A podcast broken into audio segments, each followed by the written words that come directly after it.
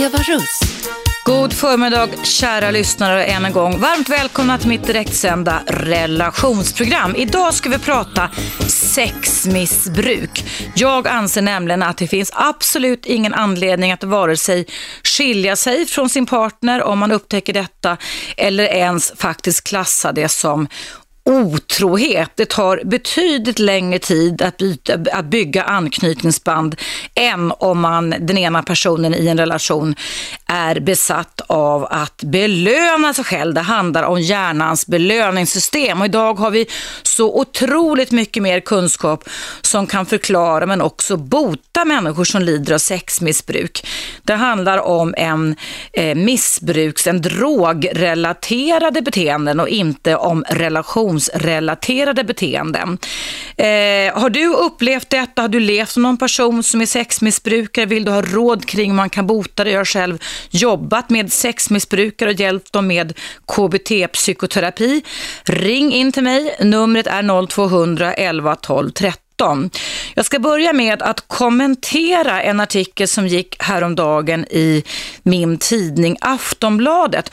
Och det handlade om en väldigt känd sexmissbrukare vid namn Tiger Woods som enligt nya uppgifter skulle försöka, som det står i tidningen i alla fall, köpa tillbaka sin fru och sätta sina beteenden i relation till att han då skulle förändra sina beteenden att han har svurit på att han aldrig ska vara otrogen igen och att han skulle få böta pengar om det så att han var det. Och då hörde ju till saken att det var så att Tiger Woods gifte sig med en svensk tjej vid namn Elin Nordegren och att det då för drygt tre år sedan rullades upp en skandal där det visade sig att eh, trots att Tiger då hade friat och gift sig och skaffat två barn med Elin Nordegren så enligt tidningen Aftonbladet så hade han bakom ryggen på henne varit besatt av sex, idkat sex med porrstjärnor, servitriser, eh, grannar, ja i princip nästan varenda kvinna han kom i kontakt med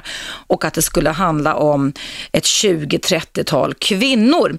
Och detta skulle då vara anledningen till att de skilde sig. Här i Sverige har vi under hösten fått ta del av så som det gestaltats i kvällspressen och i veckopressen om hur alla svåra Per Hålknekt och Lena Philipsson har gått skilda vägar på grund av, som det står i tidningarna, att eh, Per har eh, en missbrukarbeteende som har lett till att han då efter en ganska kort tid som gift med våran popstjärna då har hamnat i ett eh, missbruk vad det gäller också att träffa nya damer bakom ryggen på sin fru. Och det skulle då vara en anledning till skilsmässa. Och då säger jag då utifrån den kunskap jag har, det finns faktiskt ingen anledning idag, utifrån vi vet hur hjärnan funkar, att man ska skilja sig. För sexmissbruk har absolut inte med kärlek eller anknytning att göra.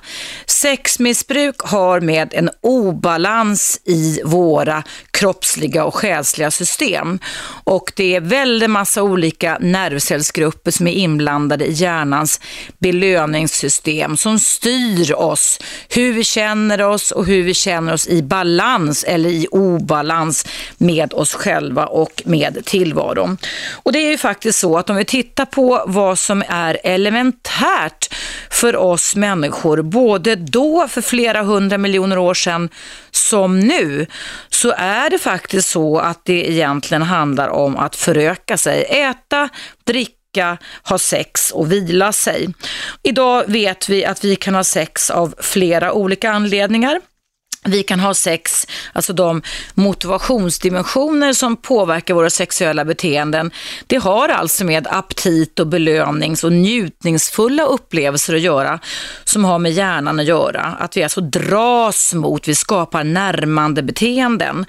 Men vi kan också ha sex eh, för att kunna tillfredsställa våra egna behov men också som en alltså relationell handling. Vi kan ha sex för att vi ska öka vårt eget fysiska och psykiska välbefinnande. Vi kan ha sex för att vi ska hantera ångest eller vi ska hantera upp upplevda hot, när vi känner oss eh, fyllda av negativa känslor, när vi känner att vi har, har upplever att vi har en dålig självkänsla, så kan vi ha sex för att vi i stunden upplever att hjärnans dopaminreserv eller hormoner gör oss lugna. Men sen kan vi också ha, vilket oftast är beteckningen på våra moderna sätt, både västerländska och österländska sätt att leva i parrelationer, att vi vill bonda med någon också och komma nära. Men vi kan också ha sex för att undvika social uteslutning eller för att vi vill nå andras uppskattning. Och det är ju faktiskt så att det är vi människor som och med religionernas hjälp som faktiskt har bundit samman och sagt att sex och kärlek och bonding det ska ofelbart hänga ihop. Men faktum är att det faktiskt är så att det är hjärnans belöningssystem som faktiskt ibland kan löpa amok och leda till att man faktiskt kan bli en missbrukare av sex fast man faktiskt, in, fast man faktiskt också älskar den partner man lever med.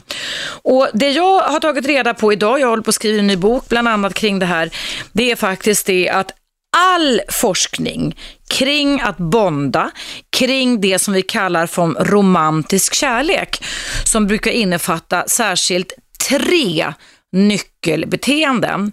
Det är att vi knyter an, att vi alltså bondar känslomässigt, att vi vill komma varandra fysiskt och känslomässigt nära. Det är ett nyckelbeteende. Det andra nyckelbeteendet det är att vi vill ge ömsesidig omvårdnad, att vi vill liksom ta hand om, vill ha och ta hand om varandra. Och sen det tredje viktiga aspekten när vi pratar om romantisk kärlek, det är att vi vill ha sex med varandra. Och då är våra belöningssystem involverade. Men vi kan alltså ha sex med andra människor utan att det är någon form av vare sig anknytning eller omvårdnad. Vi kan ha sex för att vi känner att vi befinner oss i obalans med oss själva. Och den här obalansen med oss själva, ja vet du vad, det handlar faktiskt primärt om, och det visar all samlad forskning, i, för det mesta så handlar det om människor som då jag kan anta då till exempel i Tiger Woods har haft en specifik form av anknytnings, alltså bondningsankringsmodell under uppväxten som har lett till att han har lärt sig att känslomässigt kanske trycka undan väldigt mycket känslor för att bli den elitistiska golfspelare som föräldrarna kanske redan i fosterlivet bestämde sig för att han skulle bli. Men även, och, även hur mycket och hur ofta vi människor trycker undan saker så måste vissa saker dyka upp till ytan emellanåt för att vi ska få känna den här balansen inom oss. Och då kan det ibland leda till att människor som har haft det som jag eh, väldigt ofta här har berättat för dig om, en otrygg eh, anknytning som barndom, där känslorna kanske inte har fått räknas lika viktiga eller fått levas ut lika viktiga som de kan få göra för hos ungefär 60 procent i västvärlden som inte får den här problematiken med sexmissbruk, så måste det ploppa upp förr eller senare. Och oftast kan det vara i stunder där man känner sig, man behöver inte vara det, man kan känna sig ensam, övergiven, utesluten, avundsjuk, svartsjuk och då kan den typen av känslor, känslor, känslor leda till att man tolkar sig själv som berättigad till att nu måste jag ge mig själv belöning för jag känner mig så i obalans. Så nu kan, kan jag inte vänta längre utan nu måste jag sätta igång och ge mig belöningar. Och sexmissbruk kan ju precis som i Tiger Woods fall så som det gestaltas bestå i att man så fort man känner ett behov av detta, den här obalansen i kroppen, så måste man ge sig själv belöningen. Men sexmissbruk kan ju också leda till att man blir en tvångsonanist, att man sitter och, och skinnflår sig själv i underlivet eftersom man just då i olika stunder i livet, när man känner sig olycklig, frustrerad, besviken, ensam, övergiven och så vidare, svartsjuk, avundsjuk, eh, känner att man inte hittar hitta något annat sätt än att göra sig själv lugn på.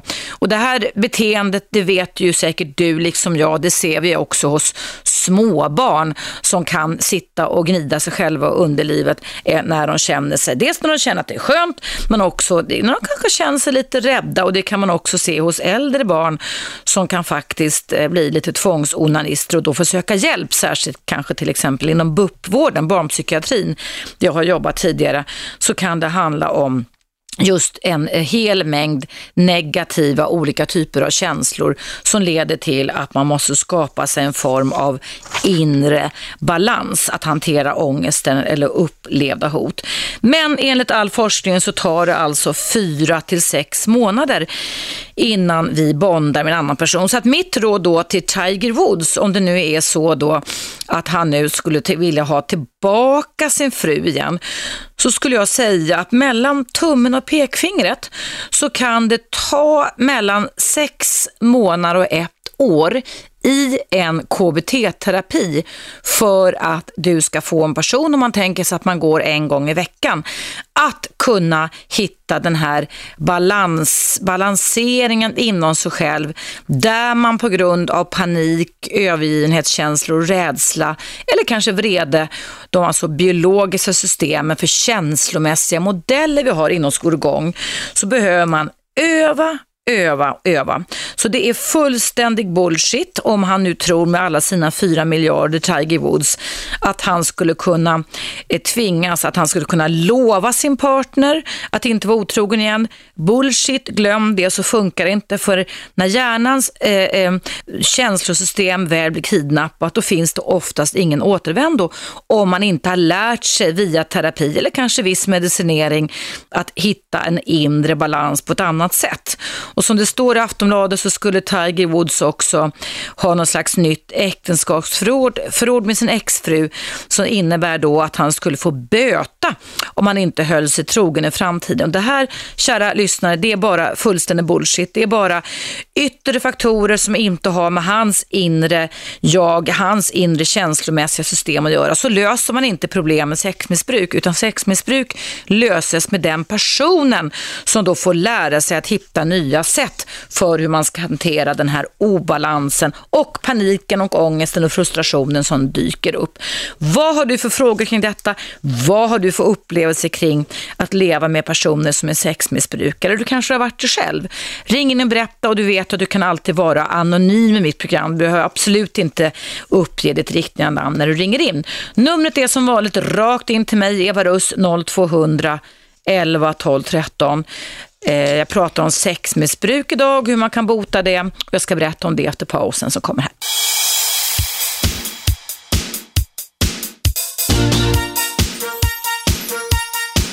Radio 1. Eva Russ. Välkomna tillbaka. Idag pratar jag om sexmissbruk.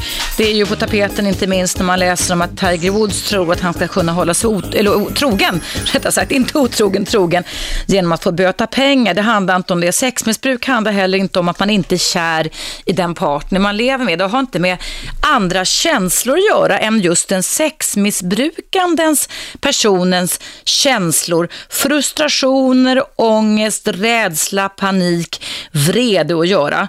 Så om du har levt med sexmissbrukare, om du lever med sexmissbrukare, ta det inte personligt.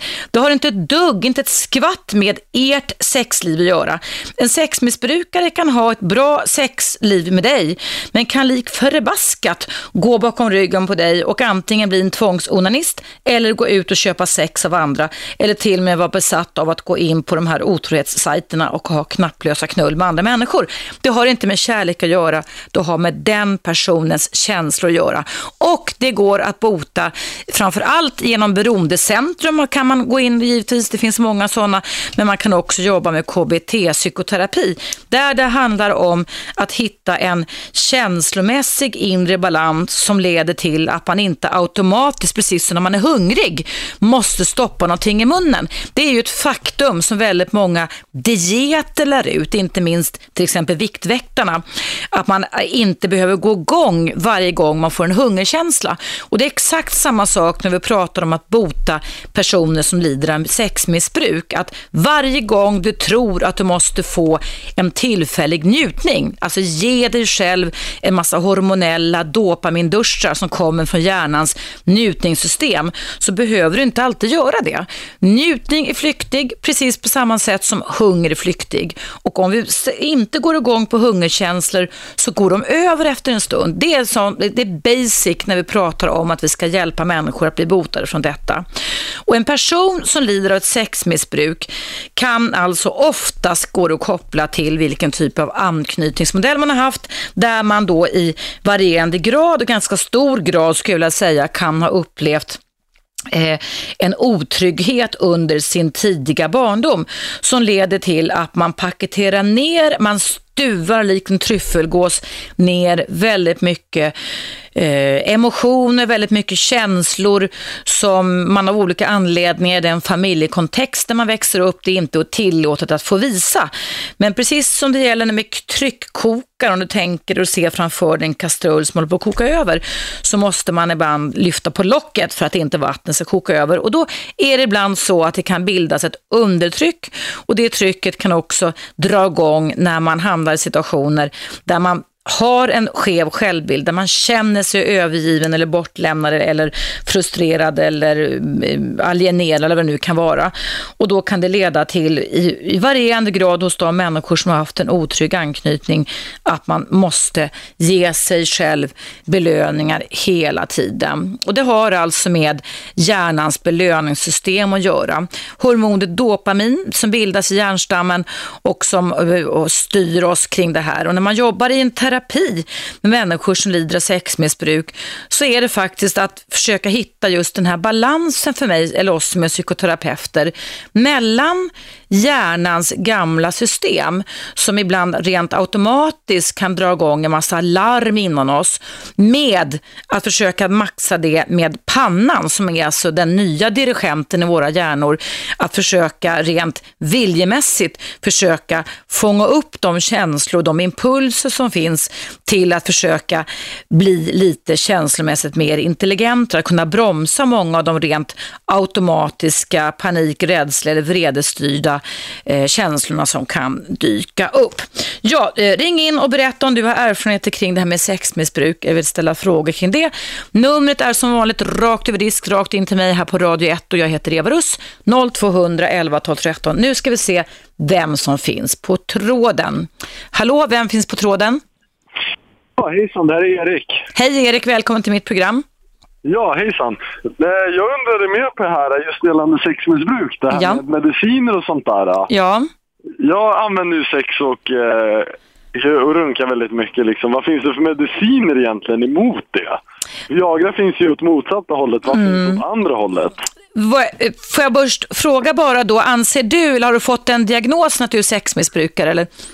Inte det. Jag har gjort självtester på nätet. Typ. Inte fan tänker jag gå till en psykolog med däremot. Men... Eh, Nej, men lever du i en relation eller lever du själv? Det väljer jag inte att svara på. Okej, okay. därför att alltså vi människor kan ju Erik ha väldigt olika sexuella behov. Alltså vi har olika belöningsbehov inom oss. En del har mer sexbehov och en del har mindre sexbehov. En del har mera behov av att onanera trots att man har kärleksliv med någon annan. Ibland så har man inget kärleksliv med någon annan, då onanerar man själv. Och det är bra att man håller igång systemen, förstår du? Ja. Det, det jag ja, pratar om, det är, när, ja. det, det, är när man blir besatt. Jag är intresserad av det här med medicinerna. Ja, ja men alltså, det, det, var ju, alltså, min stora fråga till dig nu är ju det här med mediciner. Liksom. Mm. Det, det, det det handlar om, alltså om man blir så besatt så att man liksom, det finns ju människor, jag hade ju en sexterapeut här innan jul från New York som var här som pratade om det här, alltså att, man får, man, att människor som inte knappt kan komma ut ur huset i USA som går till henne och får hjälp, då är det givetvis väldigt mycket psykofarmaka och lugnande mediciner som skapar den här balansen, att den här impulskontrollen inte går igång varenda, var femte minut eller var tionde minut eller varje ja, timme och så vidare. Ja. Som kille är det ju dock lite lättare att sätta sig med en toalett och göra i så fall. Mm. Mm. Det, det, är lite det här jag menar, just att mm. äta psykofarma mediciner för att lugna ner sig. Nej, alltså det beror ju på hur mycket man, alltså att, vi, att sex, vatten och mat, det är basics för oss. va. Men sen är det ju så att vi hade inte överlevt på savannen om vi hade haft sex varje gång vi fick en puls om det. Då hade vi liksom dött för länge sedan. Då hade vi blivit uppätna av en massa rovdjur. Och det är där de här systemen för belöning, Erik, kan gå ibland bli för... Vi kan hamna liksom i en obalans där vi liksom bara är besatta av sex och bara kan hålla på med det hela tiden och inte kan ägna oss åt andra saker. Då är det ju problem när det blir en obalans. Men det, jag är inte säker på att det du beskriver är någon obalans egentligen. Nej, men alltså sitta och runka 15 gånger om dagen är ju en obalans. Är det det du gör eller? Ja, det väljer jag också inte svara på. Nej, men om man gör, om vi säger så här, om, om, man gör det då, då är det en obalans, det tycker jag absolut. Då är det en obalans. Men det kan man gå till en psykoterapeut med och få lite hjälp med. Ja, nej men alltså jag var ju mer intresserad av det här med mediciner som mm. sagt. Om det fanns någon medicin som kan dra ner begäret. Viagra gör ju att man får upp det. Ja, jag vet. Jag vet. Ja. Istället. Ja. Alltså. Jag har ingen eh, medicin just nu. Eftersom jag inte är läkare så kan jag inte kommentera det just nu. Men det kanske nej. finns någon som lyssnar på det här som kan ringa in och ge mig information om det. Sen finns det ju då de här dysberoende klinikerna som har bra hemsidor eh, runt om i Sverige och även här i Stockholm som kanske kan ge mer information om det tänkte jag, om man går in på nätet och kollar. När det gäller medicinen. Ja. Mycket. Får vi se från Anna ringer in. Ja, tack, tack, tack för lyssnade Erik. Ja, hej då, hej, hej. Ja, hörni, det handlar alltså om sexmissbruk och min åsikt idag utifrån den kunskap jag har det är att det finns, går inte att säga att ett missbruk ska botas genom att man lovar det. Det är inte på en tankemässig nivå eller en löftesmässig eller att man ska betala pengar för att man ska böta om man gör någonting fel. Utan det här handlar om näst in till automatiska svar inom oss där vi går igång precis som hunger och tror att vi, alltså vi får föreställningar inom oss, inre bilder om att om jag inte får den här belöningen exakt just nu så går jag under.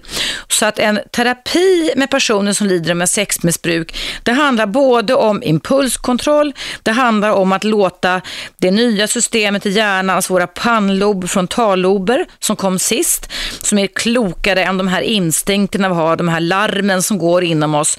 Att försöka tala oss till rätta men också lugna oss till rätta. Att hitta den här inbalansen. Och det kan man också göra med olika typer av psykofarmaka, lugnande medel. Och i KBT-världen som jag tillhör så finns det en oerhörd evidens för att en kombinationsbehandling av psykoterapi med KBT-inriktning och, och psykofarmaka, lugnande medel, kan faktiskt göra underverk. Så har jag i alla fall jobbat med många, många patienter, både män och kvinnor som har haft sexmissbruk missbruksdiagnosen. Och kom ihåg det då att det handlar alltså inte om att man inte, om man lever i en parrelation, att man är kär i sin partner. Det handlar inte om anknytning, det handlar om belöningssystem. Nu är det dags för nyheter. Du lyssnar på mig, Eva Russ. Det är direktsänt relationsprogram ända fram till klockan 12 idag. Och du som lyssnar är hjärtligt välkommen att ringa in till mig. Numret är 0200 11 12 13 även i pausen. Men du kan givetvis också mejla mig som jag ser att några stycken är vad jag gjort. Jag ska läsa upp mejlen här efter pausen och då är mejladressen till mig evaradio1 gmail.com. Så stanna kvar om du vill det. Nu är det dags för nyheter här och efter det så kommer jag fortsätta prata om sexmissbruk här på Radio 1.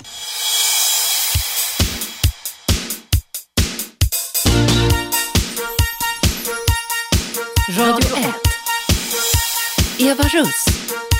Välkomna tillbaka. Idag pratar jag med dig om sexmissbruk. Min, min insikt och mina fakta kring detta är att det faktiskt inte behöver vara någon anledning till varken att man skiljer sig eller att man faktiskt ser det som att ens partner inte älskar en.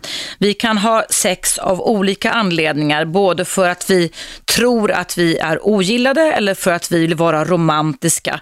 Vi kan ha sex när vi känner oss frustrerade, besvikna för att bli av med olika känslor ensamhet, utanförskap, oro och ångest. Och väldigt många av de personer som jag har mött som psykoterapeut som lider av diagnosen sexmissbruk har det på grund av att man oftast har haft en känslomässig otrygghet i botten.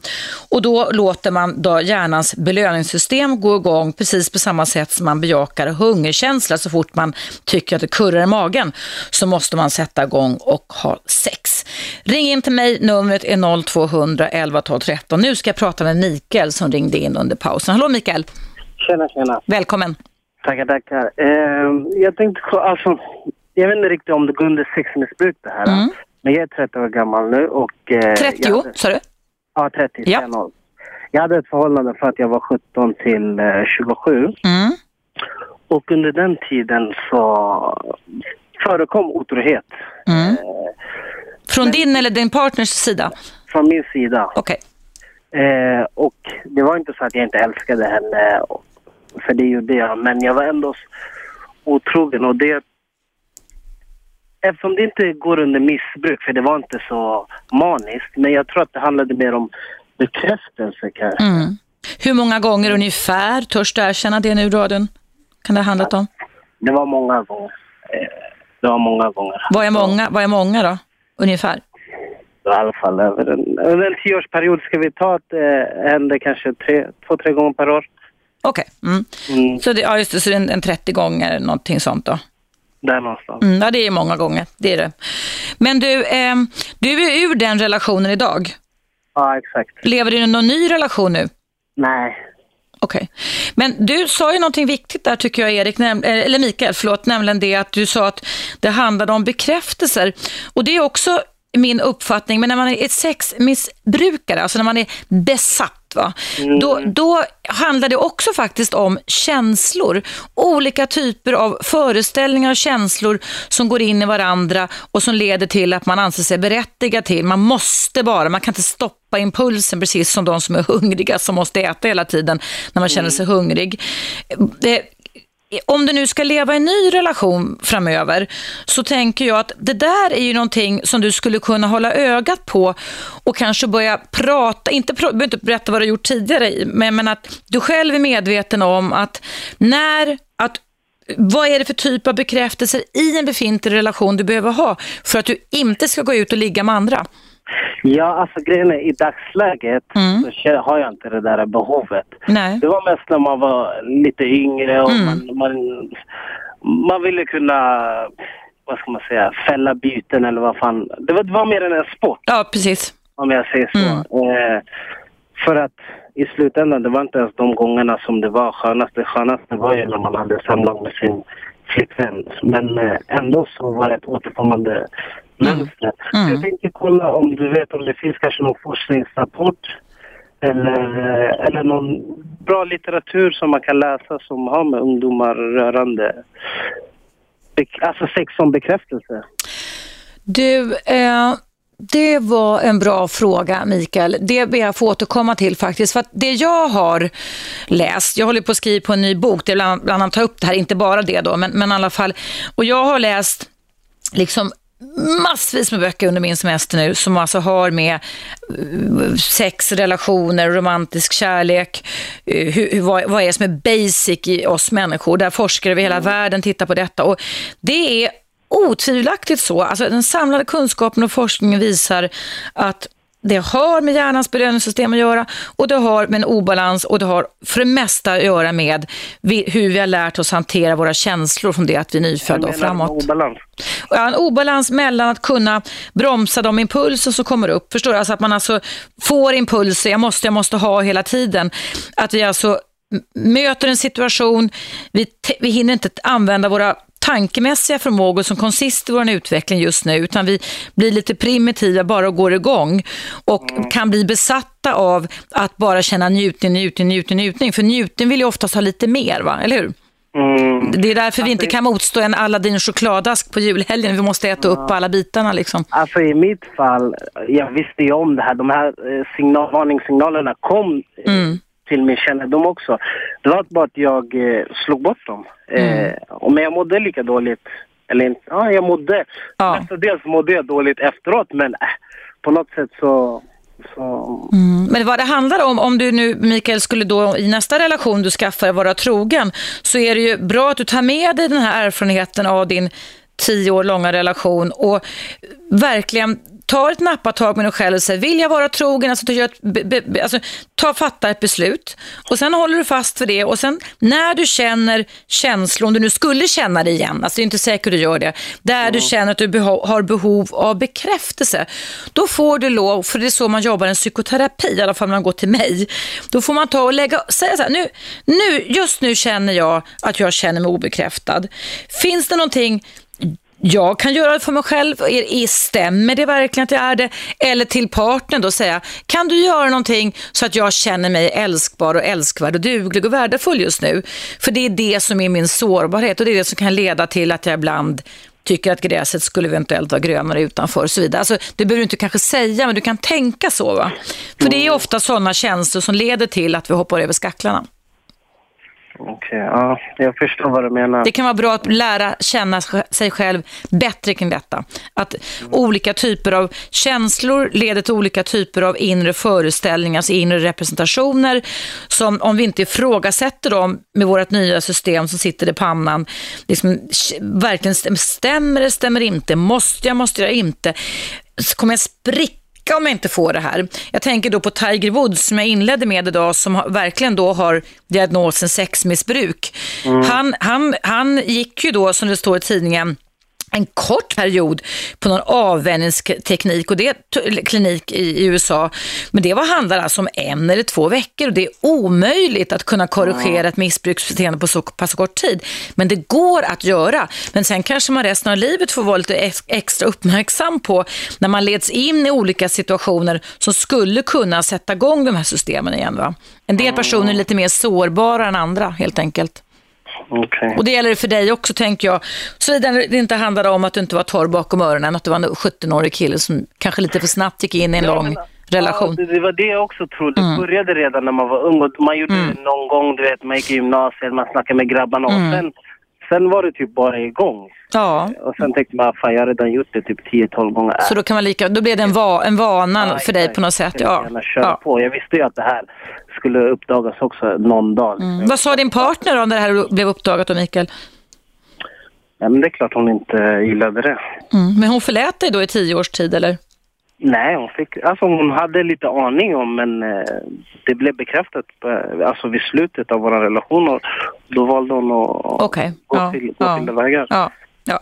Nej, alltså jag har ju full förståelse för, förringar inte motpartens känslor, att man känner sig, att, att det är en otrohetshandling, men det behöver inte vara en kärlekshandling om man är sexmissbrukare. Det är en väldig skillnad ja, nej, på det. Nej. nej. det. Och det, det har vi också alltid, mm. eller vad ska man säga, eh, i min kompiskrets har vi alltid kunnat skilja på det. Liksom. Mm. Det är många som kan skilja på sex och kärlek men i, i, i vår romantiska föreställning sedan 1600-1700-talet i västvärlden och östvärlden också så ska vi binda ihop dem i samma paket och då är det ju det här med otrohet någonting som är usch usch fy fy.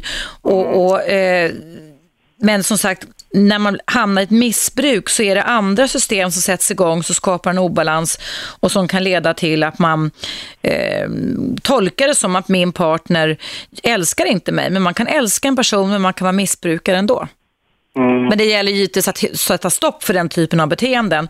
Och därför så tycker jag att människor som har levt med sådana eller skilts av sådana anledningar fast man älskade varandra skulle kunna tänka lite på det att man den, den, personen kanske själv inte kan rå för att man har hamnat i den typen av negativa känslomässiga lopor i sig själv.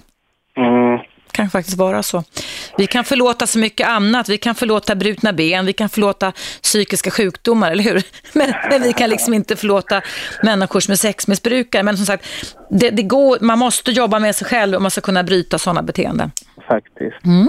Men eh, som slut, alltså, ja, mm. som sagt, du, du vet inte om någon bra litteratur som man skulle kunna läsa som har med sex och eh, jag, ska, jag, jag ska återkomma kring detta, för mina böcker är så pass tunga. Jag vill inte underskatta dig på något sätt, alltså, men, men, men om du googlar på författare som heter Shaver, Shaver alltså, eh, Mikulankin, eh, Shore, det är alltså en massa amerikanska forskare som håller på okay. kring det här, så finns det massor med böcker på Amazon.com man kan beställa. Okej, okay, okej. Okay. Mm, men jag kan återkomma, jag lovar det Mikael. Tack så jättemycket för att du lyssnade ja, på mig och tack, tack för att du ringde in. Ha det bra. Ha det. Hej, hej. Ja, hej. Ja, kära lyssnare, det är dags för en liten paus att lyssna på mig. Jag heter Eva Russ, jag är relationsexpert, psykolog och psykoterapeut.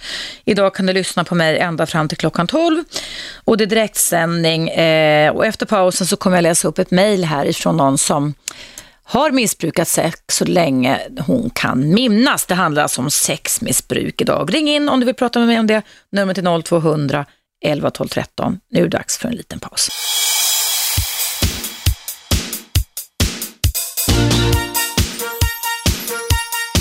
Radio 1.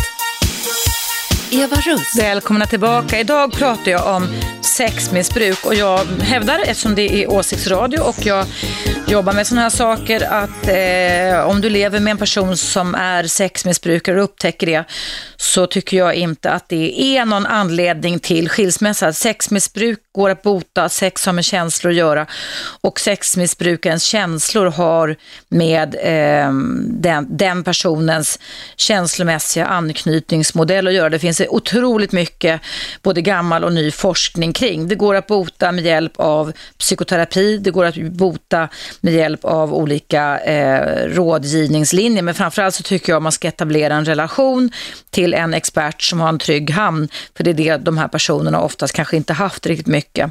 Och då måste man gå igång ungefär som när man är hungrig, så varje liten impuls gör att man måste gå igång. Jag ska läsa upp ett mejl här, jag tror att det är från en kvinna. jag fattar inte riktigt, men det står så här. Jag har missbrukat sex så länge jag kan minnas. Det har varit ett sätt att döva min ångest. Och då säger jag till dig som skriver och till dig som lyssnar, det är precis det som jag säger, att det handlar om känslor. Sen fortsätter brevskrivaren så här. Sen fem år tillbaka är jag gift med en man som inte är särskilt intresserad av sex och min ångest är större än någonsin. Orkar inte leva med någon som inte ens tar i en eller tycker något är snyggt eller sexigt som man sätter på sig. Eh, vi ligger nu i skilsmässa men är bästa vänner, orkar inte leva utan sex. Vi har sex cirka en gång i månaden och jag blir så ångestladdad av för lite närhet. Skiljer jag mig inte så kommer jag att vara otrogen och det vill jag inte. Mm.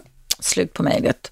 Ja, eh, jag antar att du vill att jag ska kommentera det. Jag tar mig i alla fall friheten att göra det. Eh, och då vill jag bara kommentera utifrån min roll som psykoterapeut och psykolog att det här är väldigt vanligt att man, när man upptäcker att man har någon form av dysfunktion, någon form av, som du beskriver, att du är medveten om att du missbrukat sex länge, du har menats för att döva din ångest, så tänker du att du ska bota det här. Och då väljer du en partner som är totalt diametralt motsatt i sitt sexuella beteende, som alltså är stenkall, sten icke eh, kåt på något sätt utan som inte vill ha någon beröring alls. Med förhoppningen kanske, och det är inget fel du har gjort, men många tänker så, att om jag väljer en motsats till det som jag själv känner så borde det kunna bota mig. Men det är precis som du beskriver här i ditt mejl, att då blir det eh, orsak till ännu mera ångest kring dig själv och din egen självkänsla. För det är det du beskriver och det är precis det jag säger i mitt program idag, att sex har med känslor att göra. Och eh, jag tycker att det är tråkigt att du måste tillgripa skilsmässa på grund av detta. Därför att det kanske skulle kunna gå om ni två tillsammans eh, gick till en psykoterapeut, fick öva er på att närma er varandra, att, att du fick lära dig att inte få så mycket ångest, hantera ångesten och inte få igång en massa katastrofföreställningar av ditt eget egenvärde när du får ångest, för det är det du beskriver. Och din partner skulle behöva upp, öva upp sin, sin, sin flexibilitet lite mer. Sen hänger säkert hans icke-sexuella närmanden ihop med hans anknytningsmodell, liksom din ångest och ditt sexmissbruk hänger ihop med din anknytningsmodell. Och det gör det givetvis lite knepigare när man ligger väldigt långt ifrån varandra. Men min erfarenhet är att det här går att komma till rätta med. Ni måste båda öva upp flexibiliteten lite och eh, det, jag tycker det är så tråkigt om två personer hittat varandra att man inte skulle kunna vara tillsammans. Ångest är bara ångest. Ångest är bara tankar om saker och ting som man tror ska inträffa. Det är inte, har inte med verkligheten att göra, men det sitter inprogrammerat i dig som skriver till mig att när du får för lite närhet, då får du ångest och då tror du att du måste ha sex med andra och vara otrogen. Det, min vän, är bara en föreställning och det är sånt man kan komma till rätta med i en psykoterapi. Eh, för sex har alltså med eh, sex, sex har med känslor att göra och vi kan alltså gå igång på detta och skapa oss väldigt stora och många gånger icke förankrade föreställningar om att när vi får den här triggern, alltså den här känslan av det hela, så måste vi eh, absolut ge oss själva det. Och sen så bygger vi en väldig massa tankar om att, eh, som är villkorade för oss själva, att får jag inte det här så är det bara att lämna relationen. Och jag skulle vilja be dig i alla fall som har mejlat till mig idag att ta ett tankevarv till. Det är för det första inte alltid så lätt i djungeln där ute att hitta en bra partner att leva med. Och en relation man ska leva med bygger ju faktiskt väldigt mycket på adaptivitet eller anpassning och flexibilitet. Att vi måste öva oss på att hitta nya sätt att fungera på, på varandra. Och, och eh, din lösning blev att träffa en person som inte var intresserad av sex och förmodligen så byggde du ditt val av partner på att om jag bara gör så här, eftersom jag själv missbrukar sex och träffar en nästan asexuell person, så ska det bota mig. Men det gör det ju inte, utan det väcker ju fortfarande din ångest och oro kring det här. Eh, och jag ska också vilja säga det att det är ju känslomässiga upplevelser du har som har mejlat till mig. Du skriver att du orkar inte leva utan sex. Det skulle jag vilja säga att det kan du visst orka bara du kan få rätt hjälp. Det är där de här belöningssystemen är så intriggade. Om du tänker dig motorvägar i hjärnan så har du övat dig, övat dig, övat dig på väldigt, kanske många gånger omedvetna känslomässiga nivåer. Att du, så fort du känner något så måste du agera. Så fort du känner något så måste du agera. Och det leder ju till att du har lärt hjärnan att så fort jag känner något så måste jag ha sex. Precis som de som överäter, alltså blir för tjocka och lider av fetma, har lärt sig så fort jag känner något i kroppen så måste jag äta. Det är samma system som går, drar igång i hjärnan. Och hjärnan triggas, klick, klick, klick, klick, den drar igång det här, men den kan också avtriggas, alltså den kan avtränas av det här. Och då finns det psykoterapi, men det finns också det som är väldigt hett inom neurovetenskapen och, och psykoterapivärlden idag när det gäller KBT inte minst, nämligen den att avslappning, lär dig att gå ner i varv när du får den här triggen, lugna ner dina känslomässiga system så kan du se lite klarare på om de här första impulserna som får dig att tro att du måste göra massa saker verkligen stämmer. Ladda ner, det finns mängder med appar man kan ladda ner mobiltelefoner idag. Det finns instruktioner på nätet. Eh, och jag tycker att det är synd att, man ska, att du ska välja bort din partner bara för att ni då råkar ha lite olika sexuella mönster. Eh, det betyder inte att du aldrig ska få sex, det betyder inte att din partner alltid ska ha rätt att bara sex en gång i månaden. Men sex innefattar ju så mycket mer. Det handlar ju om förspel, det handlar om efterspel. Det visar all samlad forskning att människor sällan är nöjda med ett samlag som i snitt tar 6-7 minuter, tar, tar ungefär ett mänskligt samlag. Det handlar om omtanke, det handlar om omvårdnad. I romantisk kärlek så är det alltså knyta an, det handlar om omvårdnad, det handlar om utforskning, det handlar om att lyssna på varandra, att våga lägga saker på bordet, säga älskling, jag behöver det här. Finns det någon möjlighet att du och jag skulle kunna övas på det här, träna på det? Det handlar om känslomässig lyhördhet mer än att vi bara har pang på sex hela tiden. Så ta ett tankevarv till min vän tycker jag kring detta. Det är väl säkert så att om ni har varit gifta fem år så har ni haft andra byggstenar som gällde till att börja med. Och det är ju ofta så, och det visar också min erfarenhet och även forskningen att när, när vi väljer en partner så går vi ju in i, i alla fall de första nio månaderna, ett år, i ett väldigt ömsesidigt idealiserande. Vi tillskriver varandra en väldig massa egenskaper som den andra personen kanske inte har eftersom våra hjärnor också blir belönade med dopaminduschar och endorfiner. Det blir alltså nästan drogkänslor när vi går in och är förälskade i varandra. Och det gör oss också delvis lite blinda. Och det kan då leda till att vi med tiden, när en relation inte har de här uppåt lika starka, så kan det leda till att vi ibland sen liksom vaknar upp och ruska lite på oss och säga, men herregud, hur såg mitt partnerval ut? Och den här personen var ju inte sådär fantastisk och underbar och kanske inte var sådär sexuell som vi kanske var i början. För det ligger också i våran sexuella natur, att vi oftast då öser över varandra, kommer varandra fysiskt och sexuellt nära i förälskelsestadiet. Och då utsöndras otroligt mycket shit som heter oxytocin genom beröringen, genom att vi tar på varandra och har sex mycket och kramar varandra. Och det bildar de här monogama par, parbeteendena som vi människor har. Men sen då i takt med att vi känner oss trygga med varandra så liksom landar vi lite mer. Och då kommer våra andra modeller fram lite tydligare och det är där det kan uppstå för vissa personer då olika typer av panikkänslor och tankar att oj, hjälp, hjälp, min partner är inte som jag hade tänkt mig, vad ska jag göra nu och så vidare. Och det där handlar om att hitta en balans, att lugna ner sig, att inte dra iväg, att, att inte fly, att inte skilja sig, utan att snarare se över, okej, okay, nu behöver vi tillsammans göra någonting för att vi tillsammans ska kunna få en lite bättre relationsbalans och även i vårt sexliv.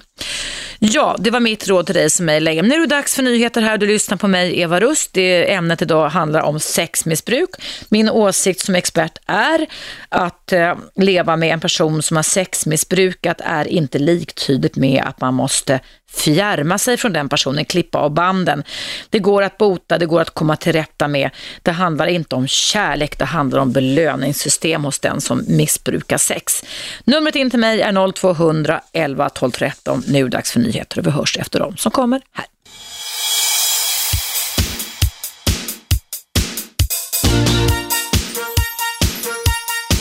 Radio 1. Eva Russ.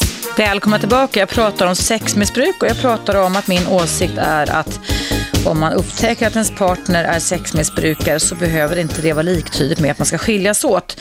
Sexmissbruk kan ha, ha med känslor att göra. Det har med känslomässiga anknytningsmodeller, alltså hur man som barn har fått lära sig att hantera känslor. Det kan ha med självkänsla att göra. Det kan ha med övergivenhetskänslor, besvikelser, ensamhet, utanförskap, frustration, oro, ångest att göra. Så trots att man lever i en relation där man har eh, bra sex, frekvent sex, så kan den personen som lider av sexmissbruket ändå gå bakom ryggen, precis som i Tiger Woods fall. Och eh, belöna sig själv så fort som man känner ett belöningsbehov. Det är hjärnan som har kidnappats. Skulle vi levt på savannen, vilket vi gjorde för x antal miljoner år sedan och bara hängett oss åt att belöna oss själva så hade vi blivit uppätna och inte suttit här idag.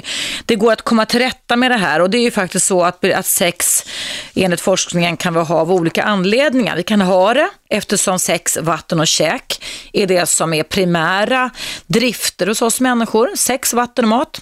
Sen gärna någonstans att bo också är för att vi ska kunna överleva och föröka oss på jorden. Men sex har alltså som ett, det är ett belöningssystem för att vi ska må bra, skaffa ungar och öka vårt psykiska och fysiska välbefinnande. Men vi kan också ha sex för att hantera ångest. Vi kan ha sex för att hantera upp upplevda hot. Det behöver inte vara alltså riktiga hot. För att eh, bota våran då föreställda dåliga självkänsla och för att minska olika negativa känslor som alltså har med frustration och ångest och sådana saker att göra. Men i vår romantiska tidevarv, sen 1600-1700-talets tryckkonst, sa att vi ska minsann vara trogna varandra vi ska älska varandra i nöd och lust och vi ska gifta oss med varandra och vara varandra trogna. Så har det också med att vilja bonda, att känslomässigt eh, komma varandra nära. Men sen kan vissa av oss faktiskt också idka sex för att undvika uteslutning eller för att man vill få andras uppskattning. Det kallas på engelska för approval motives. Eh, jag ska läsa upp ett mejl från Johan här som har kommit in. Det står så här. Hej Eva, jag blir otroligt upphetsad av sexiga underkläder. I synnerhet läckra stay-ups och högklackade skor. Sexet når en helt annan dimension när dessa ingredienser finns med. Och jag vill gärna att min partner bejakar detta, vilket hon inte alltid är så pigg på. Jag menar att detta är en helt normal fetisch medan hon tycker att det är ett utslag av en porrskada som gränsar till sexmissbruk. Jag blir inte alls lika upphetsad när vi har vanligt sex utan detta, ut, utan detta men samtidigt förstår jag min tjej. Vår stora fråga är är mitt intresse sunt eller börja försöka jobba bort detta?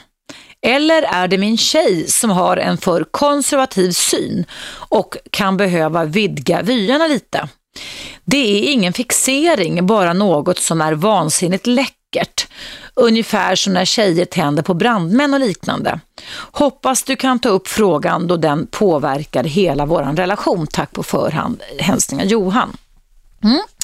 Jag tror nog Johan att det är många som kan känna igen dig i detta. Eh, sex och lust, alltså sexlust har ju också med våra inre bilder att göra. Eh, annars skulle ju inte porrindustrin i världen omsätta cirka 55 miljarder, du hör rätt alltså 55 miljarder kronor, så skulle den inte omsätta det och de flesta nu är det inte riktigt så idag, men, men förr i alla fall har det varit så, så har det ju varit merparten män än kvinnor som har hängett sig åt att eh, köpa eller titta på porrfilmer och sådana saker. Nu börjar det väl bli mer i jämlikhetens namn så att det blir nästa kanske, inte vet jag, 50-50. Men eh, varför säljer man då sex så mycket? Jo, därför att det är en drift vi har med oss. Det är inget konstigt, det är inget fult, det är inget äckligt. Men sexdriften och sexlusten har med välbefinnande att göra och det har med inre bilder att göra. Och annars så skulle ju porrindustrin världen över inte omsätta så mycket miljarder om det inte var så att vi behövde det eller att vi kunde tända på de bilderna som finns. Du Johan har då börjat bli alltså upphetsad av sexiga underkläder och jag tror inte att du är ett dugg ensam om detta. Eh, det finns massa föreställningar kring detta men eh, jag vet inte om jag skulle hålla med dig om att det är en porrskada som gränsar till sexmissbruk eller inte. En del personer eh, förknippar detta och kan liksom inte sprida vidare till att ibland ha de här eh, fetischerna och ibland inte. Jag tycker inte att det är någon knäpp eller knasig fetisch, absolut inte. Men självklart handlar det i ett en, när man lever i en parrelation om att ge och ta. Eh, det, det som du skriver, det är ingen fixering utan bara någonting som är väldigt läckert. Och man behöver ju givetvis i perioder i livet, som jag sa inledningsvis när jag pratade om sexmissbruk, jobba med flexibiliteten, jobba med anpassningsförmågan gentemot varandra och kanske undvika att sätta negativa etiketter etiketter på det som ens partner eh, kommer upp med. En del personer kan ju givetvis bli besatta av detta och bara hänvisa sig åt det och då är man lite rigid och oflexibel tycker jag. Det handlar om inre fantasier hos dig Johan och de kan ju du faktiskt ibland i ditt sexliv med din tjej uppamanna utan att din tjej för den skullen behöver klä ut sig i läckraste i absolut högklackade skor. Jag tror att det handlar om att du får hitta en slags avvägning mellan detta. Men det är inte sjukt, det är inte knäppt, det är inte konstigt. Däremot om det är så att det liksom för din del Johan blir så att det blir bara om man säger ett svartvitt beteende, att får jag inte det här så blir det inget sex allt. Då blir det ju väldigt konstigt och man kan säga en väldigt obalanserad relation. Det handlar om flexibilitet. Pröva på det sättet där det handlar om att ge och ta. Pröva utan. Fantisera kring din flickvän. Låtsas kanske som om hon har stay-ups och eh, högklackade skor även om hon inte har det. För din hjärna kan gå igång och vi kan alltså få eh, orgasmer till och med genom att vi kan tänka oss nästan det. Det har ni väl sett i den här filmen eh, vad heter den, Sömnlös i Seattle.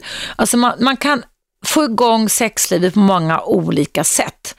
Eh, och det viktiga är att ni inte fastnar i ett ställningskrig där en har rätt och en har fel. Och jag tycker att vi i våra parrelation ska undvika att sätta diagnoser på varandra bara för att vi möter beteenden som vi inte riktigt känner igen.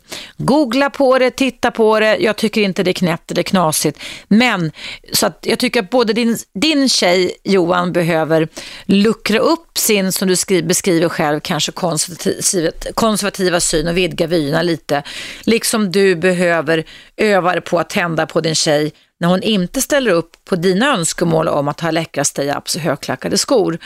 Det går att få fram sexlusten och där är hjärnan i hög grad det organet så att säga, inom oss som har med våra sexuella organ att göra, nämligen fantasierna. Det är fantasierna som kan dra igång detta. Så vi kan alltså bli tända, vi kan bli kåta genom fantasi, genom inre bilder som vi skapar själva, genom bilder som vi ser på nätet eller ser i filmer och så vidare. Men det handlar om att inte hamna i för rigida mönster tycker jag. Så experimentera lite, pröva med eh, stay-ups, utan stay-ups, läs på lite, det är ingen porrskada som jag uppfattar ditt mejl här Johan och det är inget missbruk heller. Det är preferenser och det är önskemål. Jag har mött människor som män då i det här som har varit besatta av underkläder som har gått runt på varuhus världen över och fått stånd av detta detta, som har varit sexmissbrukare bakom ryggen på sina fruar och så vidare och som bara har fastnat alltså i att det ska vara nylonstrumpor och korsetter och allting, då kan vi prata om porrskada, då kan vi prata om dysberoende, dysfunktion och en rigiditet när, allt, när, när sexlivet måste vara villkoret och måste vara på ett bara, bara, bara det, måste, det måste vara så här annars är det ingenting bra alls. Då behöver man lite hjälp. Men pröva pröva och vara lite flexibla, men pröva både med och utan så ska du se att det här kommer lösa sig. Tack så jättemycket Johan för att du lyssnade och tack för att du ville ringa in, eller mejla, förlåt. Nu är jag lite jetlaggad här för att du ville mejla mig. Hörrni, ni, eh, tiden går fort när man pratar så här intensivt som jag gör. Jag måste trycka på pausknappen. Det är dags för lite reklampaus här på Radio 1. Men ring in gärna. Ämnet idag handlar om sexmissbruk och numret är 0200 11 12 13.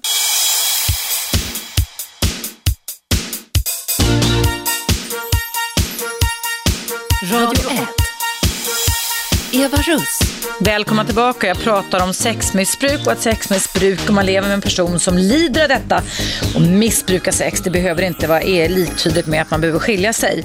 Det handlar om att hjärnans belöningssystem har gått i högvarv, kan det blivit citat kidnappat och det går att komma till rätta med med både avslappningsträning, mindfulness, psykoterapi och psykofarmaka. Det handlar inte om kärlek, det handlar om besatthet, det handlar om starka, ofta negativa känslor som blir till tankar och som leder till att man tror att man varje gång man känner sig ensam, övergiven, frustrerad, ångestfylld måste ha sex. Men det kan också ha att göra med att man själv kan ha varit utsatt för olika typer av destruktiva, ja till exempel övergrepp och sådana saker. Jag ska prata med Madicken som ringde in här. Hallå Madicken! Hej hej! Vilket gulligt namn du har. Tack. Du är 28 år ung sa du till mig. Ja. Och du har varit utsatt när du var barn för, är det övergrepp du menar då eller? Ja, precis. Av vem då om jag får fråga? Ja, det, jag vill inte gärna gå in på Nej, det. okej. Men, Men det, är det släktingar om man säger så? ja, det kan man ju säga. Var det eh, frekvent eller var det enstaka situationer som drabbade dig? Ja, det var väl ganska, alltså det har varit hela tiden typ. Mm. Eh, Har, har, och det blivit, an- har det blivit anmält på något sätt Madicken? Sex? Nej. Du har nej, inte gjort det? Nej. Varför inte det? Nej, för att det... Ja, jag vet inte hur jag ska förklara men eftersom, eh, alltså jag har flyttat från liksom min hemkommun Ja. och eh, min, hela min släkt är väldigt dysfunktionell. Ja. Det är liksom, det är lättare att blunda, även när folk vet om vad det är som händer. Mm. Så är det lättare att blunda för att skydda vissa människor Mm. som inte klarar av sanningen. Det blir som en sekt där man inte kan gå emot. Alltså vad det än gör så kommer de aldrig gå vara på din sida. Det du beskriver Madicken, eller hur? Ja, precis. Och sen i dagsläget så känner jag att jag inte vill riva upp någonting utan jag försöker istället att jag vill inte se mig själv som ett offer. Mm. Utan, Det är bra. Alltså för, att, för att det blir fel om jag ska gå och bära på det och då blir det att jag vill ha liksom, Mm. ehm, ska jag förklara, men att jag vill ha en ursäkt eller liksom Fast det borde du egentligen få, för det är ju övergrepp du har varit utsatt för sedan barnsben. Men du min vän, du ville prata med mig om ditt eget beteende idag som Alltså- vuxen. Berätta lite vad du hade för tankar kring det. Ja, alltså eftersom eh, sex blev ju liksom inte... Alltså det vart ingen bra start, om man säger så. Mm. Och, eh, När du har det- debuterade själv så att säga, valde själv, så är det som tonåring vi pratar om då, Madicken? Eller? Ja, Ja. precis. Och eh, eh, blev utsatt av killar ganska tidigt liksom. Mm. Och då så ju det här följt efter mig. I mina relationer så har det varit en bekräftelsegrej Mm. med sex. Istället för att liksom, men jag har inte känt mig delaktig som så, utan det var, har mer varit bara bekräftelse. Just det. Då Eh, kände du igen det i det jag har sagt hittills förstås, eller hur? Mm. Mm. Hur är ditt sexliv idag? Lever du någon relation idag eller? Nej. Nej. Och ja, jag pussade min sista groda för ett år sedan. Okej. Och efter det har du tänkt hur då? Ehm, alltså det var det mest, eh, från början bestämde jag mig för att jag måste vara rädd om mig. Det är rätt, det är bra. Och då menar jag alltså som mitt känsloliv och inte ge för mycket av mig själv. Mm. Och sen har jag ju liksom dragits till fel killar som inte har varit bra. Mm. Så att jag bara fortsatt, så att jag var tvungen att sätta ett stopp. Mm. Och jag är väldigt mycket liksom, alltså då blir det... Jag har inte sex idag. Mm. Och jag vill inte heller. Alltså, och om jag någon gång träffar en kille som jag skulle vilja leva med Mm. så kommer nog han få nöja sig med att hålla mig i handen eh, under en väldigt lång tid. Mm. Längre startsträcka i alla fall. Och det, det är ett bra val, bara du inte gör som den här kvinnan som mejlade in och som sa att hon liksom valde en person som inte var dugg intresserad av sex när hon själv var sexmissbrukare och att hon inte stod ut med det längre. Men vad du behöver göra, det är ju, du, du har aldrig övervägt att få lite psykoterapeutisk hjälp för din egen del för det du varit utsatt för, då, Madicken? Alltså jag har ju gått i, i en traumabehandling, eller jag påbörjade det. Det var precis vad jag satt och tänkte på att du skulle behöva faktiskt. Fast det, jag, det kändes inte bra för mig för att alltså den planen som hon lade upp, tyckte, Mm. alltså jag var inte bekväm med det. Alltså att eh, sitta där i en timme och dra upp eh, enstaka traumatiska händelser ur min barndom. Mm. Var det grupp också eller var det, Va? var det gruppterapi eller? Nej. Det var, du var själv i alla fall, bra. Ja, precis. Och det skulle spelas in. Mhm.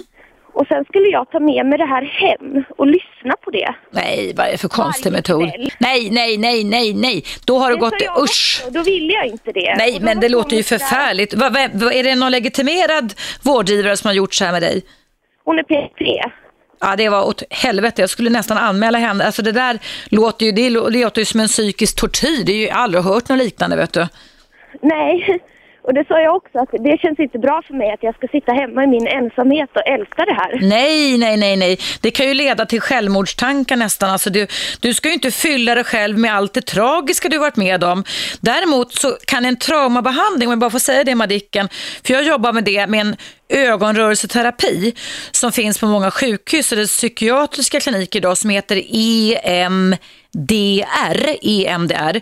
Där kan man, jobbar man framförallt på Uppsala akademiska sjukhus så har man en, har haft i alla fall en mottagning för kvinnor som varit utsatta för sexuella övergrepp och våldtäkter och sånt. Och där handlar det då om att man ska hjälpa kvinnorna, man, ta, man raderar inte minnet, men man kan radera tolkningen som kränker ens självkänsla och som kan leda till att man drar slutsatser om sig själv. Att man var värdelös och oduglig som inte kunde hålla emot. Förstår du? Ja, ja. Och det är en helt annan grej. Men att man gör något så jävla korkat, ursäkta uttrycket. Det där tycker jag är ett övergrepp av en PTP-psykolog. Jag tycker du ska kontakta Socialstyrelsen, så där gör man inte. Men annars kan jag göra det åt dig, för det så där gör man inte. Hur länge sedan var detta hände, Madicken? Ehm, ja, det måste varit typ i november. Det är ju som ett övergrepp mot en person som du som redan har blivit utsatt för övergrepp. Otroligt upprörande. Men du min vän, om vi nu ska ändå prata om dig så tänker jag som så att Ge, kan du inte göra så då att du söker dig en gång till till eh, någon annan vårdinrättning där du inte får någon sån här idiot som ger den här typen av hemuppgifter? För det är ju, så där gör man inte va? Förstår du? Ja, nej alltså jag ville ju avbryta det där då. Ja, det var bra att du Samma- gjorde. samma veva så blev jag även, alltså mitt hyreskontrakt blev uppsagt. Oj då. Så att jag stod där och visste inte vart jag skulle ta vägen riktigt. Mm. Och eh, då sa jag att jag vill avbryta traumabehandlingen för att eh, det är liksom, just nu så är det så mycket. Mm. Så jag kan liksom inte hålla på och gräva i det som har varit också. Man gräver inte på det sättet idag om man, om man är välutbildad. Nej. Nej, men hon tyckte inte att det var någon bra idé heller. Vadå, att du skulle bryta? Ja, för att då frågade hon mig, eller hon sa så här att eh, ja, det här är väl förmodligen inte den sista krisen i ditt liv. Ska du alltid hantera kriser på det här viset? Nej men. Nej, usch, usch. Men jag, min känsla säger mig, eftersom hon var liksom PTP, Fast då är hon ganska välutbildad. Då har hon gått fem år på psykologutbildningen. För PTP är som att man ska få legitimation. Det tar ett år, en randutbildning så att säga, efteråt. Va? men jag tror att hon kände som så att det var en, ett misslyckande för henne. Mm, men då, har, då ska hon inte bli psykolog tycker jag. Nej, det var bara min känsla. Jag vet ju inte om det är så. Mm, Men Nej, men hon ska ju inte ösa på dig massa negativa förväntningar om framtiden. Vet du vad, alltså att människor som beter sig på det sättet mot en person som redan har begått övergrepp, de begår övergrepp mot dig också. Det, det är helt otroligt det du beskriver faktiskt. Ja, ja det, det kändes inte alls bra för mig. Och när jag nej. inte ville det, då vart hon... Mm. Skit, skit i henne, går aldrig mer tillbaka till den PTP-psykologen. Men vad du ändå skulle behöva göra, tänker jag, du verkar ju vara ändå en tjej som har distans och som, det var jättebra av dig att du hade en broms där, Madicken. Det, det är kanonbra. En styrka tycker jag du hade. Ja. Men gå aldrig mer tillbaka till en sån människa. Det är en, hon ska inte ha en legitimation om hon håller på på det sättet och ger dig hemuppgifter. Du ska sitta och lyssna på dina egna övergreppshistorier. Aldrig hört på maken och som mer upprörande måste jag faktiskt säga. Du Madicken, har du tid? Jag måste hämta andan här nu eftersom vi också ska ha lite nyheter här. Har du tid att stanna kvar så jag kan få ge dig lite råd efter pausen? Ja, det är inga problem. Vad du är gullig. Då hänger du bara kvar här så hörs vi efter pausen så kommer här Madicken. Tack så jättemycket. Ja, tack så länge. Vi hörs alldeles strax igen. Hej då, hej.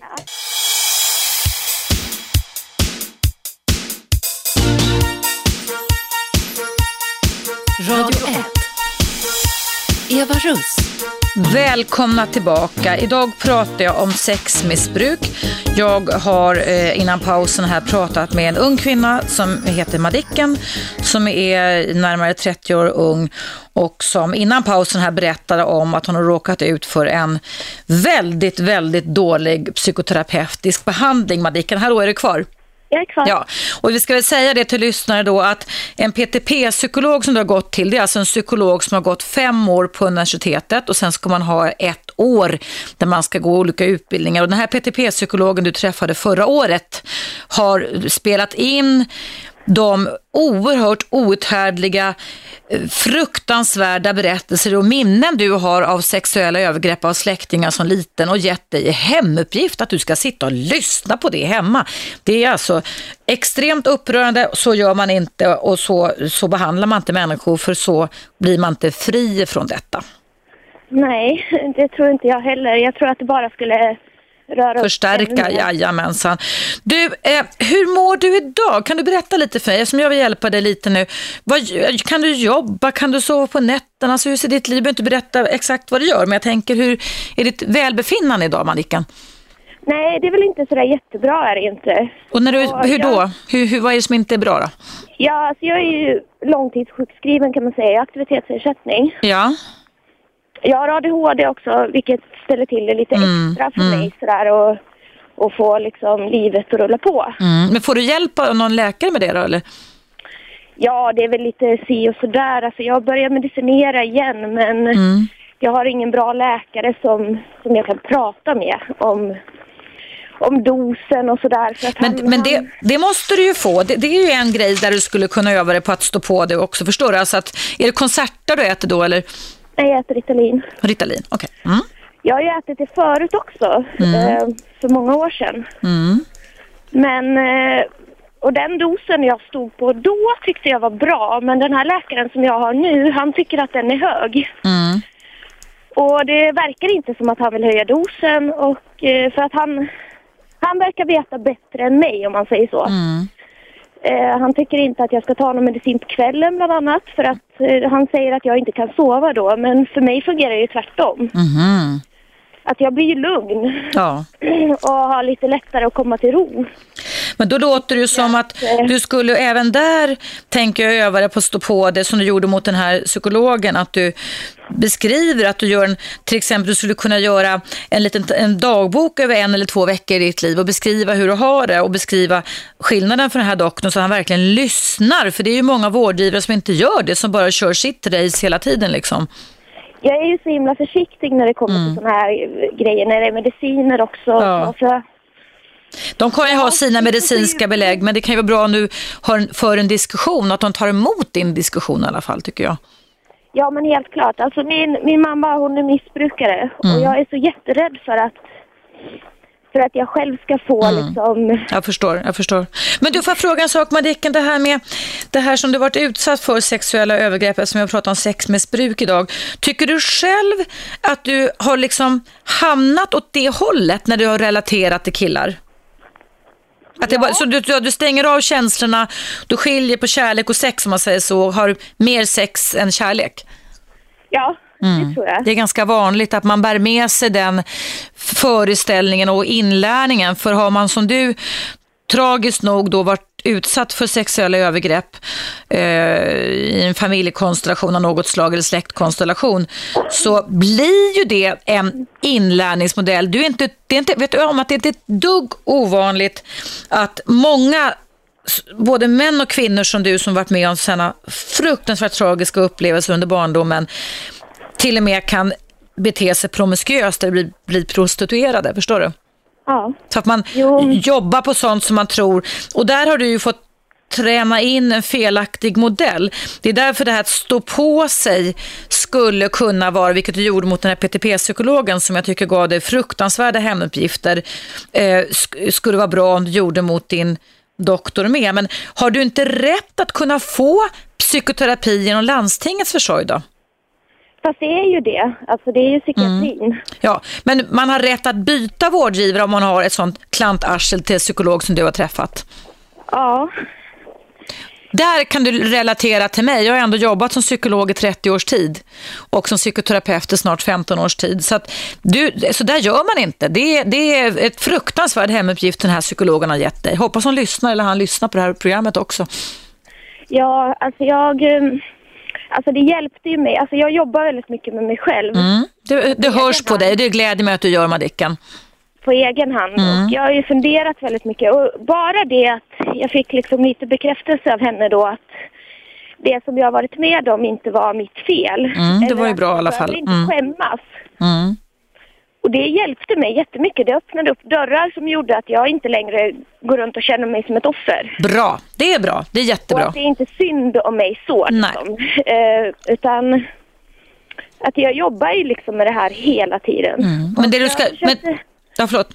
bryta liksom det mönstret Mm. genom att stanna upp och lyssna på mig själv. Mm, det är bra. Och eh, sen har det varit ett väldigt kämpigt år för mig och jag fortfarande, vilket gör att jag vill inte inleda någon relation. Mm. Och där lyssnar du ju på dig själv. Det är också jättebra tycker jag. Jag har inte tid för det, Mm. helt enkelt. Och jag har ingen ork heller. Mm. Och det blir inte bra. Och det får ta den tid det tar. Mm. Men eh, Men det du ska göra Madicken är ju som du sa innan pausen här, var väldigt noga i ditt urval och som du sa, vilket jag tyckte var jättebra, en längre startsträcka och verkligen träffa en man som är genuint intresserad av dig, inte bara ditt kön eller att ha sex med dig. precis. Men det är så lätt att man har bråttom i relationer. Mm, det är det. Alltså, för att det är ju mycket känslor som Mm. blommar upp. Och där eh, har du ju fått, om du ursäktar att jag säger så, en, utifrån den tragik du har varit med om, fel inlärning som också delvis Madicken kan sitta kvar och vara lite automatiserad. Ja, Så, precis. så det där gäller för dig. Jobba med mindfulness kan du väl göra, avslappningsmetoder och sånt, men utforska killar, se, för att, alltså att ni ska ha ett sexliv, det ingår ju om man vill ha en relation, men att de ska ha lyhördhet, känslighet, bekräfta dig, tycker du är en viktig och värdefull och duglig person. Inte bara, om du ursäktar uttrycket, dra över dig, vara ute efter sex. För det finns en risk att du kan sända ibland omedvetet sådana signaler, vet du. Ja, det tror jag också. Mm. Helt klart. Men, men jag jobbar ju som sagt med det här hela Jättebra. tiden. Vilket gör nu att om jag träffar någon kille Mm. så alltså att man börjar på en vänskaplig nivå Mm. och lär känna varandra mer först. För att det kan ju faktiskt vara så också att man märker efter någon månad att eh, det finns inga sådana känslor ändå. Mm. Att man kanske trodde det från början. Ja, och då tycker jag det är klokt att inte hoppa i säng med varandra det första man gör. Det har man all tid i världen till sen. Ja, precis. För att det, det är ju bättre att ångra att man inte gjorde det då. Eller ångra att man gjorde det, var onödigt. Mm. Jag tycker du har ett jättebra förhållningssätt till detta och jag beklagar djupt det du har varit utsatt för, både den här PTP-psykologen men också det, de när, närstående, om vi säger så, till dig under din uppväxt. Men du verkar vara en tjej som har huvudet på skaft och det du beskriver just nu, och jag tror att många lyssnare håller med mig, vi hör en ung kvinna som jobbar med sig själv och som börjar förstå dina egna mönster. Det finns en väldigt bra bok, jag tog upp den i höstas här, Madicken, som heter eh, Lev som du lär och inte som du lärt dig. Eller Lev som du vill, förlåt, och inte som du lärt dig. Har du hört talas om den boken? Nej. Det är en jättebra bok som du säkert kan låna på biblioteket eller köpa själv. Lev som du vill och inte som du lärt dig. Den är jättebra för den handlar om när man har varit med och utsatt för olika typer av livsteman och sådana saker som är breda och svåra och jobbiga att leva med. Hur man kan jobba sig ur det. Det är alltså en professor i KBT, eh, Jeffrey Young. Jag har gått på kurs hos honom i USA som har skrivit den här boken, Jeffrey Young. Den finns på vår hemsida tror jag. Jag hade i alla fall bild på den i höstas. Okej. Är en jättebra bok, självhjälpsbok, jättebra bok att läsa. Men om du vill ha lite addering. Och sen tycker jag också att du skulle kunna vända dig till landstinget och säga jag vill ha en annan terapeut. Den här var inget bra. Och det Hon har du mitt kommer- fulla hon kommer stöd till. sluta snart och eh, vi står ju lite så här att hon, om jag ska försöka få någon annan eller om jag inte ska ha no någon mer samtalshjälp. Men jag vet inte. Jag Alltså, Går du hos henne fortfarande då? Ja, fast vi har ju, vi har ju avbrutit själva traumabehandlingen. Ja. Har jag ju gjort för att jag, det är så mycket just nu. Jag, Men man jobbar inte sådär med traumabehandling. nej, alltså dels så ska jag flytta och det är väldigt otryggt runt mitt boende. Mm. Och sen eh, min hund är i, dålig. Oj då. Jag blir tvungen att ta bort henne. Oj, vad säger du stackars. Är det en gammal hund eller? Nej, hon är sju år. Ja, nej men, oj, jag förstår. Min hund fyller sex snart. Det är ju jättetragiskt. Vad är det för fel på din hund, då, Madicken? Hon har problem med ryggen. Oj, oj, oj. Vad är det för sort du har? Det är en pitbull terrier. Okej, stackarn. Och det- Är du helt ensam om detta? Har du ingen med dig om, som kan stötta dig kring det här då? Nej, alltså jag har ju fått en lite bättre relation till min riktiga pappa då. Jag är inte uppväxt med honom, men Nej. vi pratar väldigt mycket. Mm. Och jag kan ju ringa honom tio gånger om dagen och säga samma sak för att jag bara behöver... Och han har varit god mot dig? Ja, Bra. Då har du en anknytningsperson där. Det är jättebra. har En, ju inte haft så bra relation för att han...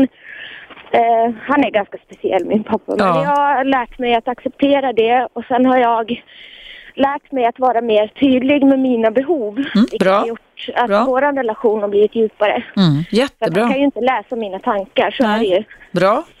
Ma- massa klokheter du säger. Du är duktig på att jobba med dig själv, Madicken. Jag har haft, haft många år till det. Mm. Eh, jag har, alltså som sagt, jag har inte så mycket till val. Jag måste göra det. Mm. Men som sagt, du har rätt att byta behandling. Det finns Bor du i Stockholm eller?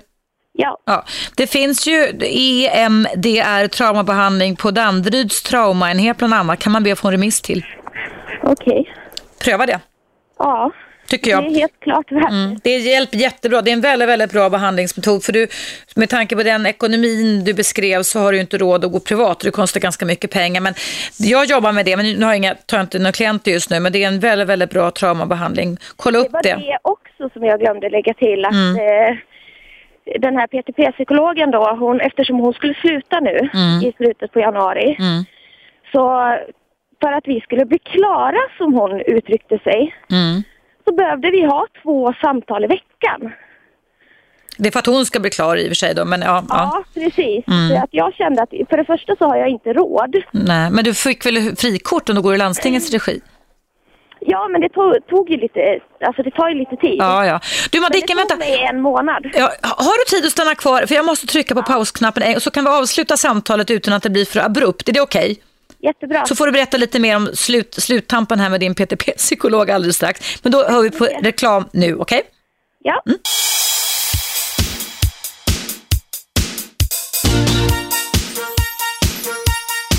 Radio 1. Eva Russ. Välkomna tillbaka. Idag pratar jag om sexmissbruk. Det blev många samtal här och jag ska fortsätta och avsluta mitt samtal med Mati- Madicken. Matilda, jag på säga. Madicken heter det. Hej Madicken, är du kvar? Hej. Hej. Jo, jag fick tyvärr lite avbryta dig, prata munnen på dig här innan pausen. För jag måste hålla tiden här inne också. För du berättade om att du hade ett par gånger kvar hos en PTP-psykolog som till att börja med i alla fall har gett jättekonstiga hemuppgifter som gjorde att du mådde sämre. Och i och för sig kan man göra fel, men då måste man rätta till det. Men sen så, så var du inne på innan pausen och sa att för hennes skull skulle du gå två gånger i veckan. Du sa att du inte hade råd med det. Hur menar du då? Du får ju ändå landstingskort eller frikort, eller hur? Jo, fast det tar ju, det, man måste ju komma upp till 1100 för Mm. att få det. Ja, Och mitt frikort gick ut i november. okej, Och så du får eh, börja om igen så att säga. Ja. Ja, precis. Och så skulle jag träffa henne två gånger i veckan och det kostar 100 kronor varje gång. Mm. Fast det är ändå väldigt billigt mot att gå i privatterapi om man får säga det bara för informationen Ja, så att säga. Men sen var det, eftersom jag håller på att ställa in min dos på min ADHD-medicin, Mm.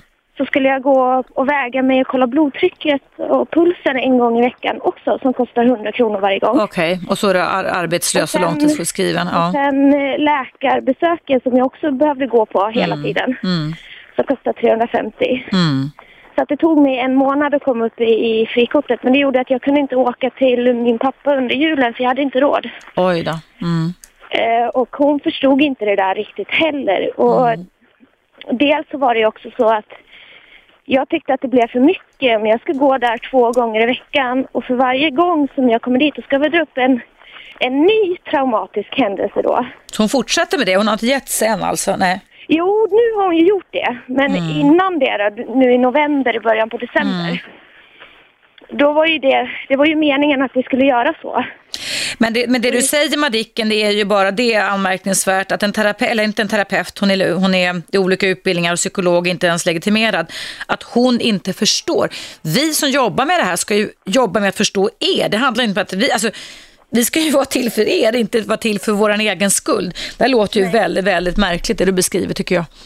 Ja, för att alltså jag är uppväxt i, i en, i en missbrukarfamilj. Jag är uppväxt på Ja, men du hamnar ju i samma tillstånd hos den här psykologen, där du ska vara henne till lag så inte tvärtom. Ja, precis. För att jag fick ju väldigt mycket eh, liksom skuldkänslor på något vis. förstår när jag. Liksom, nej, men jag kan inte göra det här. Och då började hon alltid med det här pratet om att jag inte följer våran plan. Men du, har, du, har du fått ändra det nu då så att du inte behöver gå två gånger i veckan eller hur ser det ut just nu? Ja, alltså nu, jag har bara två gånger kvar Mm. med henne. Och det som är mest aktuellt nu det är situationen med min hund och att jag behöver lite stöd i det. Ja, vad jobbigt. Usch, usch, usch. Du skulle avliva din hund, berättar här, som var sju år gammal. Det är hem- men, ja, men du, jag tänker om du har ont om pengar, det finns ju sådana här, äh, vad heter de, hundstallet, eller alltså där man kan få hund nästan gratis, eller hur, som är omhändertagna. Ja, fast jag har bestämt mig för att jag kommer inte skaffa någon ny hund Nähä, på okej. en gång. Nej, Utan jag ska satsa på mig själv och hitta en utbildning som jag kan börja med till hösten. Vad skulle du Och, vilja utbilda dig inom då? Eh, någonting inom träning och hälsa, kost. Vad roligt. Ja, Så att det är... Och när man har hund, det är väldigt mycket stress kring det. ja det vet jag verkligen om. Och Mm. jag tänker inte utsätta mig för det nu. Utan Bra. det får komma i ett senare skede då. Mm. Det finns ju ingen som kan ersätta liksom, min hund ändå. Nej. Fast en ny hund, så gjorde jag i och för sig, ersatte den gamla ganska väl. De liksom smälte in i varandra på något sätt så att det kändes som anden tog över. Men det var lite tokigt för jag är ensam med min hund idag. Det är väldigt stressigt kan jag säga. Ja, jag har varit ensam med henne i sju år mer eller mindre. ja det är mycket Och det jobb. Mm. är väldigt, väldigt, väldigt mycket jobb. Och eh, jag måste börja tänka på mig själv eftersom jag alltid har tagit hand om. Mm. Som under min uppväxt har jag tagit hand om min mamma och Jag till och med skjutsat henne till doktorn på pakethållaren och sådana saker när jag var barn för att hon var så dålig. Och du har fått ta hand om släktingarnas sexuella behov som har lett till att du har varit utsatt för övergrepp också. Så är det verkligen och sen något... har jag träffat killar som jag behövde ta hand om. Ja, nej precis. Ja, Den, den kunskapen du har skaffat dig är värdefull. Sluta med det och du ska heller inte ta hand om en PTP-psykolog som eh, inte förstår dig. Du hör ju hur knasigt det låter, alltså, det låter väldigt oseriöst tycker jag. Ja, men som sagt, jag tror att det var mer för hennes skull. Men då behöver du inte ens gå de sista två. Du är inte skyldig att gå dit de sista två gångerna heller, även fast du har frikort. Nej, fast just hon är faktiskt ett väldigt bra stöd i det här med min, alltså det som är just nu aktuellt då. Att jag bara får ösa ur mig lite skit där och vara lite ledsen och sådär. Ja, jodå. Men som sagt, se upp. Det finns, och det säger jag inte bara till dig Madicken, men det säger jag till många andra. Det finns många personer ute i vårdsvängen som är bra och det finns många som är kass. Och det du har beskrivit är ganska häpnadsväckande tycker jag ändå. Men det är bra att du har sett det Madicken, det är bra att du satt ner foten, det är bra att du övade på att stå på dig. Vet du min vän, vi måste sluta samtalet här idag, men jag kan bara bekräfta, ge någon slags kvitto då att jag tycker att du tänker rätt, att du är alert och uppmärksam, att du är medvetandegör, att du börjar ta kontroll över ditt liv. Det är skitbra framsteg du gör helt enkelt. Tack så mycket. Fortsätt gärna med det och du får jättegärna ringa in till mig. Jag är här varenda dag på Radio 1 ända fram till 7 juli. Så du kan ringa in jag till går mig. och lyssnar på dig varje dag faktiskt. Vad roligt. Och ring in och berätta hur det går eller om du har mer frågor om jag kan hjälpa dig på något sätt så kostar det ingenting vet du, att ringa och få rådgivning av mig. Tack så jättemycket. Tack för att du ville vara kvar så pass länge Madicken. Jag önskar dig allt gott och lycka till med allting du har framför dig. Tack så jättemycket. Tack. Ha en trevlig helg. Tack detsamma. Stor kram till dig. Hej då. Detsamma. Hej. Hej. Ja, kära lyssnare, det var en stark flicka det som har blivit stark av allt det hemska hon varit utsatt för. Om du vill lyssna på det här programmet i repris så går det ikväll på, alltså på vardagar klockan 19.00 i repris. Och temat idag har alltså handlat om sexmissbruk. Sen går valda delar av mina program i veckan också i repris under helgen och det kommer också komma som podcast alldeles snart. Det var ett intensivt program, det var många inringare, det var intressant det som Madicken bjöd oss på att berätta om. Eh, säger än en gång lycka till till henne. Därmed tackar jag för mig, tackar för att ni ville lyssna på mig idag. Programmet går upp i repris klockan 19 ikväll och vi hörs nästa vecka igen. Ha en bra helg. Hej då! 101,9 Radio 1. Sveriges nya pratradio.